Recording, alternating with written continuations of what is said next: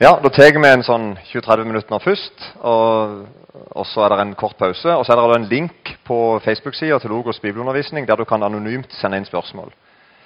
Og Hvis noen vil spørre i plenum mens andre hører på, sånn, så er det helt greit. Spørsmålene blir ikke tatt opp sånn og blir sendt seinere, med mindre du ikke har et spesielt ønske om det. Noen har kanskje et ønske om det. Jeg vil gjerne at mitt spørsmål blir sendt på VG, f.eks. Skal vi få til det? Temaet i dag, da er egentlig mitt poeng, eller Logos sin tanke med temaet i dag, er faktisk et så hårete mål at jeg og vi i Logos ønsker at noen her skal få en god samvittighet. Hvis ikke du allerede har det, da. Det er, jeg mener akkurat det jeg sier nå. Noe av det verste som fins på denne planeten, det er å gå med dårlig samvittighet. Det kan ødelegge livet vårt. på en måte. Det gjør noe med sjølbildet, det gjør noe med hvordan vi ser på andre folk. Det gjør noe med hvor vi blir med på. Det gjør, altså, det gjør noe veldig mye med oss. Så vi skal ha først litt om hva samvittighet på en måte er, og så litt grann, særlig den siste delen etter pausen, så vil jeg si noe veldig godt om hvordan Gud tenker om vår samvittighet. Kjære Jesus, be at du må være her i ditt ord ved din ånd. Amen. Hvis du slår opp i en ordbok, f.eks. Norske Akademis ordbok, så definerer de samvittighet sånn en indre følelse som er veiledende for en persons oppfatning av hva som er moralsk rett og galt. Vi kjøper den, gjør vi ikke det? Det er vi som en ting inni oss en eller annen plass. For meg ligger den her, cirka, kjenner jeg. Som begynner å snakke med meg av og til når jeg gjør noe rart. Eller når noe jeg ikke gjør som jeg skulle ha gjort. Så er det plutselig en eller annen fyr inni her en eller annen plass som begynner å diskutere med noe oppi her. eller noe sånt. En indre følelse som er veiledende for en persons oppfatning. Så er det et eksempel av den ordboka gjorde noe mot sin samvittighet. Det er sånn en typisk ting å si. Og Også i kristen forkynnelse så snakker vi ganske mye om en dårlig samvittighet, eller en god samvittighet, eller en ren samvittighet. Eller mange sånne uttrykk vi er ganske kjent med. Og det er jo sånn faktisk at I Norge så snakker både kristne og ikke-kristne om samvittighet. Det er ikke en sånn typisk at det er bare kristne som har samvittighet. Vi andre har ikke det. eller noe sånt. Det, det, sånn funker det ikke. Det er en ganske sånn allmenn tanke, iallfall der som jeg kommer ifra. Og når det er, der, når det er sånn der jeg kommer ifra, da vet jeg at det er iallfall sånn der du kommer ifra. Til og med der jeg kommer ifra, har vi samvittighet. Hele gjengen. Um, Paulus han blir, han blir, tatt til fange. Han blir beskyldt for en haug med ting. Han blir tatt, tatt til fange, og så står han foran et råd med stor R, og så sier han 'Brødre'. Med fullgod samvittighet har jeg levd mitt liv for Gud like til denne dag. Det var hans sånn sjefsargumentet hans. Jeg har ingenting å skjule, jeg har ingenting å skamme meg over. Jeg angrer ikke på noe jeg har gjort. liksom. Jeg har tjent Gud med fullgod samvittighet. Det må jo være drømmen å ha det sånn. Og Hvem var forresten han som hadde fullgod samvittighet? Jo, Det var han som straffeforfulgte kristne. Var med på å tok livet av kristne. Drog kvinner og barn og menn ut av heimene gikk til myndighetene og fikk dispensasjoner til å, fullmakter til å gjøre det. Reiste fra landsby til landsby for å bli kvitt de kristne. Det har jo skjedd noe med Paulus da, som gjør at han sier at jeg har tjent Gud. Etter jeg ble kjent med Gud på vei til Damaskus, så har jeg tjent Gud med fullgod samvittighet. Alle mennesker har en samvittighet. Og så jeg i parentes en eller annen. For vi kan av og til lure litt. Seriøst. Det er noen vi lurer litt på. Men alle mennesker har en samvittighet. Det er en oppfatning av rett og galt, ondt og godt. Og det skiller oss fra dyrene. At vi har ei sjel, og vi har en samvittighet. Du skal aldri i evighet dø som i forsvinner for alltid. Et menneske skal aldri slutte å eksistere. Du har ei sjel, og den er udødelig. Og du har en samvittighet. Det er helt spesielt for oss mennesker. Og Noe av det verste som vi kan si om folk der jeg kommer fra, han eier ikke samvittighet. Det er liksom, ikke det? Det er litt sånn fælt å si. ikke det? Han eier ikke samvittighet. Fysj, liksom. Så samvittighet er noe viktig, og noe som alle kjenner seg mer eller mindre igjen i. Og I innledninga i Romerbrevet, kapittel 1 og 2, så, så, så, kommer Paulus med noe veldig viktig om hva det vil si å være et menneske. Jeg har skrevet her alvoret ved å være menneske. Paulus sier at alle mennesker holdes ansvarlig i møte med Gud. Jeg bare leser tre vers her i Romerbrevet 2, vers 14-16. så sier Paulus sånn For når hedninger som ikke har loven, av naturen gjør det loven byr, da er disse som ikke har loven, seg selv en lov.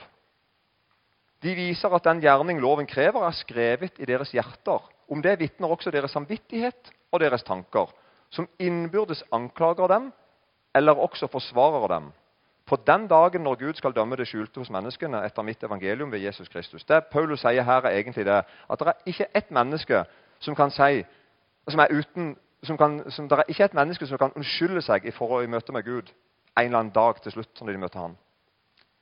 Gud mener at han er så tydelig til stede i skaperverket, i naturen, at vi må ta stilling til han. Og Samvittigheten vår er den tingen vi kjenner det på.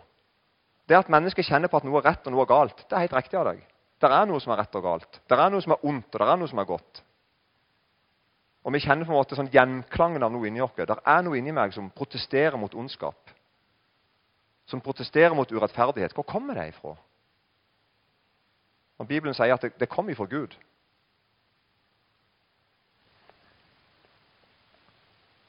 Og til og med de som ikke har hørt om Gud, mener fortsatt at det er dumt å stjele eller drepe. Sånn, stort sett.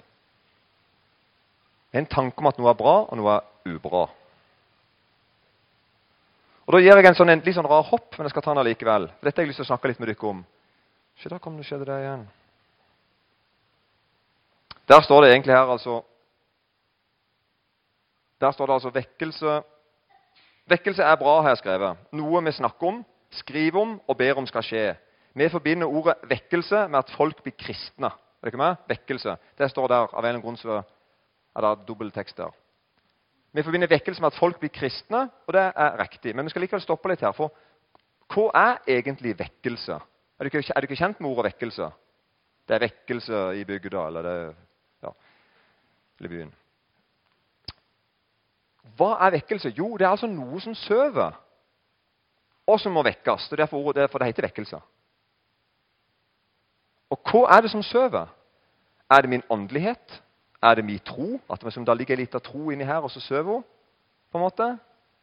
Eller min åndelighet, eller spiralitet, eller religiøsitet, eller min kjærlighet til Gud sover, men en dag kom Gud, og så vekta han kjærligheten, og så ble den bitte lille kjærligheten jeg hadde, stor? eller er det ikke meg? Hva er det som sover? Det er samvittigheten som sover. I en vekkelse våkner samvittigheten din. Mange ikke-kristne har ro i sjela. De opplever ikke å tenke på Gud, synd og nåde, eller på evigheten. Det er min påstand. Jeg møter mange ikke-kristne som har det aldeles greit med å ikke være kristen. Kjenner ikke på et hull eller et mørke eller en klump eller en ting. eller ikke det hele tatt. De har det helt fint. Og også Mange kristne kan ha en samvittighet som sover. på en måte. Gud blir fjern, rett og galt blir fjernt. I en vekkelse så skjer det noe med det der. Den kristne, Guds barn som hører Gud til, men som er på en måte på vei vekk, sovner litt, eller Gud er litt på avstand, han møter plutselig Gud, og så våkner du inni han. Er det ikke med? Samvittigheten din våkner. Plutselig blir det om å gjøre for deg å å, å, å, få orden på noe, slutte med noe, begynne med noe. Eller få en god samvittighet.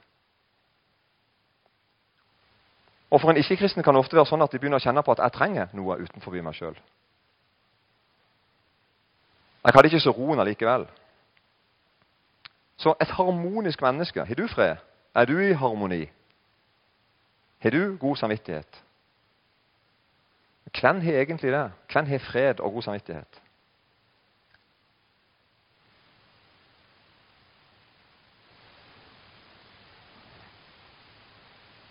Vi tegner ofte et bilde av mennesket som sannhetssøkende. Er du ikke med? Ofte når vi på en måte presenterer hva et menneske er, så presenterer vi et menneske som at et menneske er, er på en måte en person som i utgangspunktet søker sannheten.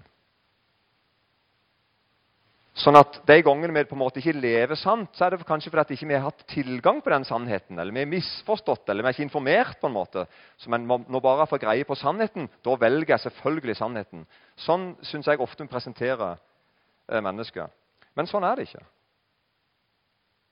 Det er faktisk motsatt, sier Bibelen.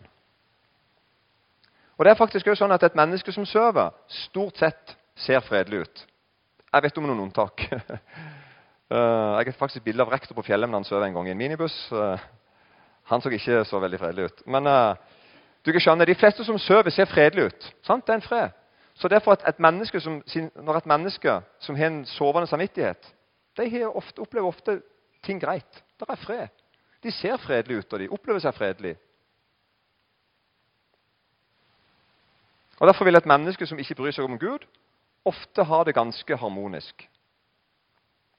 Og et menneske som møter Gud, og som har med Gud å gjøre, det vil ofte kjenne på det motsatte. Der kommer en ufred. Der blir en uro. Jeg er bare med et eksempel her. Der Jesus, eh, Det er fra Lukas 12, 16 og noen vers utover der.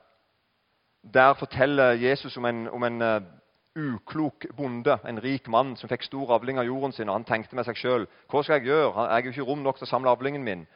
Og han sa dette vil jeg gjøre. Jeg vil rive ned låvebygningen min og bygge større. Der vil jeg samle hele min avling og mitt gods. Så vil jeg si til min sjel, faktisk Sjel, du har mye godt liggende for mange år. Slå deg til ro, et og drikk, vær glad. Men Gud sa til ham, du dåre, i denne natt kreves din sjel av deg. Hvem skal så ha det du har samlet? Slik er det med den som samler seg skatter og ikke er rik i Gud. Det er akkurat som at vi har en, det er en oversikt vi ikke har, som Gud har. Og Sånn kan jeg også snakke til samvittigheten min. Roe ned samvittigheten min. Tenke at jeg, jeg skal gjøre det seinere en gang. Jeg har tida på meg. Noen har faktisk sagt at det, det minst harmoniske mennesket, altså det mennesket med størst indre konflikt, det må være et menneske som ønsker å leve hellig. Er du med? Et menneske som lever vekk fra Gud, vekk fra moral og forkynnelse om rett og galt, det kan fort på en måte få lov til å være litt i fred. Kjenne på at ja, det er greit. At Jeg gjør så godt jeg kan. og ikke så alt det der.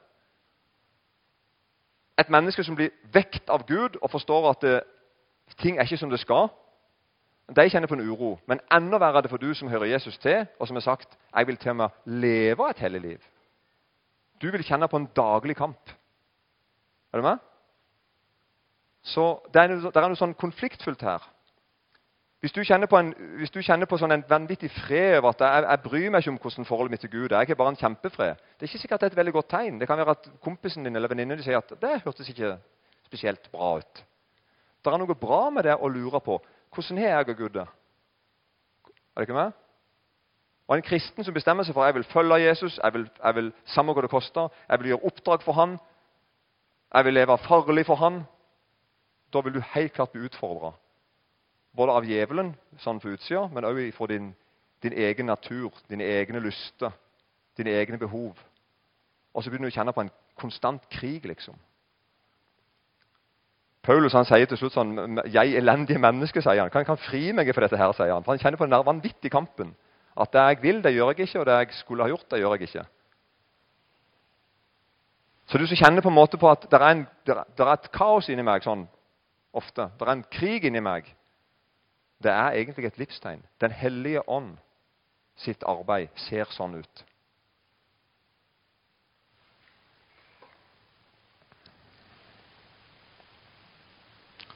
Etter syndefallet slutta ikke folk å tro. Det er ikke sånn at etter syndefallet så, så gikk vi vekk fra Gud og så slutta vi liksom å tro på ting eller være religiøse. Nei, Vi begynte bare å tro på hva som helst. Og faktisk er det et kjennetegn for et fallent menneske at egentlig så tror vi på hva som helst, bare ikke sannheten. Samvittigheten vår husker Gud, som vi hadde innledningsvis. Vi kjenner på noe som er rett og galt, og vi kjenner på noe sånn. Men vi har ikke et sant bilde for det. Er dere med på dette her? Jesus han snakker til folk som hadde kommet til tro på ham. Det står innledningsvis her i Johannes 8 at Jesus talte til folk som hadde kommet til tro på ham. Dette var altså folk som sa ja, vi vil høre deg til Jesus. Og Så begynner Jesus å diskutere eller samtale med dem og, og snakke med dem. Og Da sier han altså i Johannes 8, 43 og utover der Hvorfor skjønner dere ikke det jeg taler? Og Så svarer Jesus sjøl på spørsmålet og sier fordi dere ikke tåler å høre mitt ord. Dere har djevelen til far. Og dere vil gjøre etter deres fars lyster. Han var en drapsmann fra begynnelsen og står ikke i sannheten, for det er ikke sannhet i ham. Er det ikke med? Når han taler, altså når djevelen taler, taler han av sitt eget, for han er en løgner og løgnens far. Men fordi jeg sier sannheten, tror dere meg ikke. Hvem av dere kan overbevise meg om synd? Altså Jesus sier rett og slett fordi jeg sier dere sannheten, tror dere meg ikke. Merkelig påstand av Jesus. Grunnen til at ikke du tror på meg, sier Jesus, er at jeg snakker sant, og du liker det ikke. Fordi du har, et fiendskap til meg. Merkelig. Ofte kan en tenke sånn at hvis bare predikanten eller barnearbeideren eller noe sånt hadde forklart det godt nok for folk, så hadde jo alle folk selvfølgelig trodd på det han sa. Så jeg må bare forklare det godt nok, så vil selvfølgelig enhver en vil jo tro på det. Så hvis ikke folk, alle tror på dette, her, så må vi gjøre et eller annet med måten vi forteller det på. Og for all del, Det er helt greit at folk forbereder seg. ikke sant? Det er helt greit at vi prøver å snakke så vettugt vi kan, og, og vinkle det forskjellig osv. Men allikevel, til, til bånn står altså Jesus her og sier at grunnen nå for at ikke dere tror meg, det er det at jeg taler sant. Og du hater sannheten. Han kolliderer med, med lystene mine, med tankene mine, med meg, med hvem jeg er. Og Derfor er det sånn at alle trenger vekkelse. Noen tenker at det bare er de ikke-kristne. Men liksom be for de ikke-kristne. De som på en måte sier at de ikke er kristne, og ikke går der du går i en menighet. Så ber vi liksom på Gud du må sende vekkelse. Som i nå må du gå og snakke til deg, altså. Men det er helt tydelig i Bibelen at Jesus snakker mest til de som faktisk sier at de hører han til. Faktisk er det jo de han kan snakke med, de som kommer og hører når han forkynner. Og Sånn er det i dag òg. Jesus snakker jo mest til de som hører på ham. Logisk nok. Så det er jo deg og meg han snakker til. Alle trenger vekkelse. Og jeg skal leve i vekkelse, i en stadig oppvåkning i møte med Gud. Gud vet at du har sjel, har ei sjel. Det er han har skapt henne. Gud vet at du har en samvittighet. Gud taler til deg, og han har omsorg for deg, for din sjel og for din samvittighet. Og Derfor sier jeg altså i dag at hvis du sitter her med dårlig samvittighet, kjenner på at jeg har det ikke sånn som jeg skal, så tilby Gud deg å få en god samvittighet. Det går an å gjøre opp, det går an å begynne på nytt. Det går an å ordne det som lå foran, og det går an å glemme det. De aller fleste gangene så kan du gjøre det sammen med Gud, bare du og han. De aller fleste gangene er det sånn det fungerer. Du og Gud, helt alene, snakker ut med hverandre om ting som ikke er som det skal. Og Så finner du plasser i Bibelen, og hvis ikke kan noen hjelpe deg med det der, der, Jesus sier at han elsker sånne som deg. Sånne som ikke er som de skal, som ikke lever som de skal.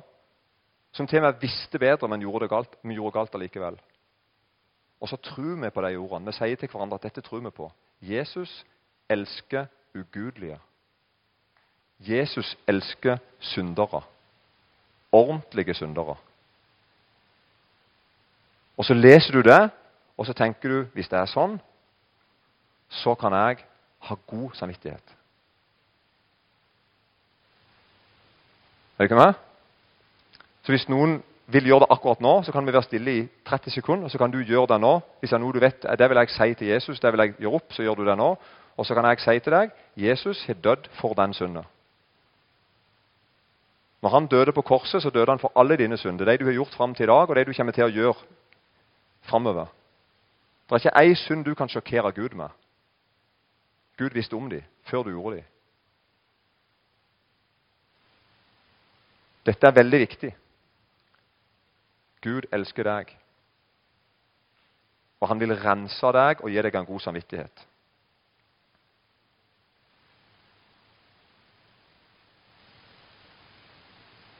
Det er utrolig mye snakk om synd, syns jeg, og det er bra, altså, men det er utrolig mye snakk om synd og sånn blant kristne. Men, men i de miljøene jeg går i. Men ofte litt sånn generelt. 'Jeg er en synder', sier vi. ikke vel? Så sier vi ja, det, ja uff meg, det er det. Sånn. Men det er, det er langt mellom de som faktisk bekjenner konkrete synder. Og Det vil jeg anbefale deg. Finn noen du kan snakke med, noen du stoler på.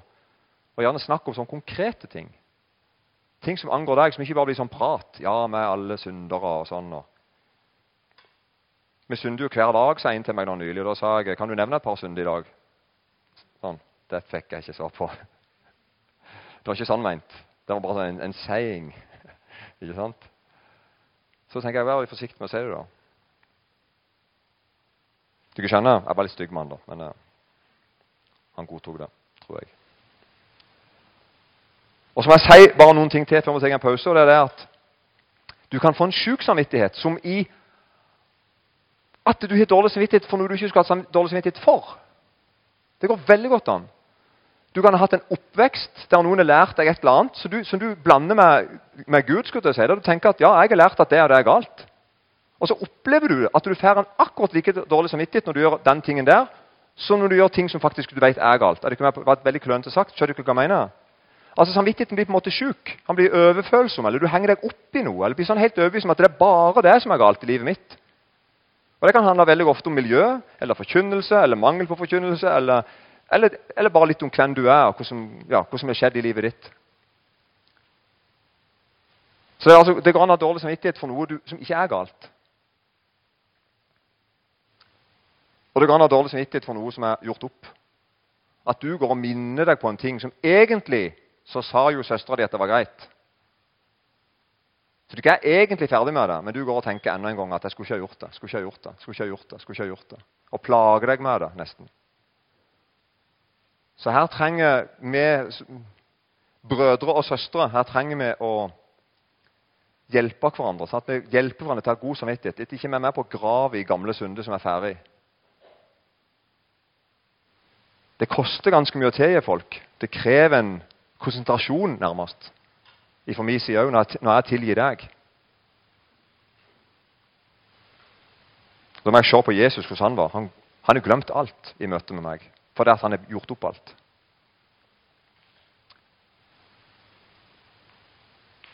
Og for eksempel, Du trenger ikke grave deg ned i samvittigheten. Noen tenker liksom sånn at jeg må, jeg må, nå, nå, vil jeg ordne opp alt. så nå skal, liksom, nå skal, jeg sette meg ned og så skal jeg finne ut alt det gale jeg har gjort de siste 28 årene eller 18 årene. eller hvor lenge du har levd.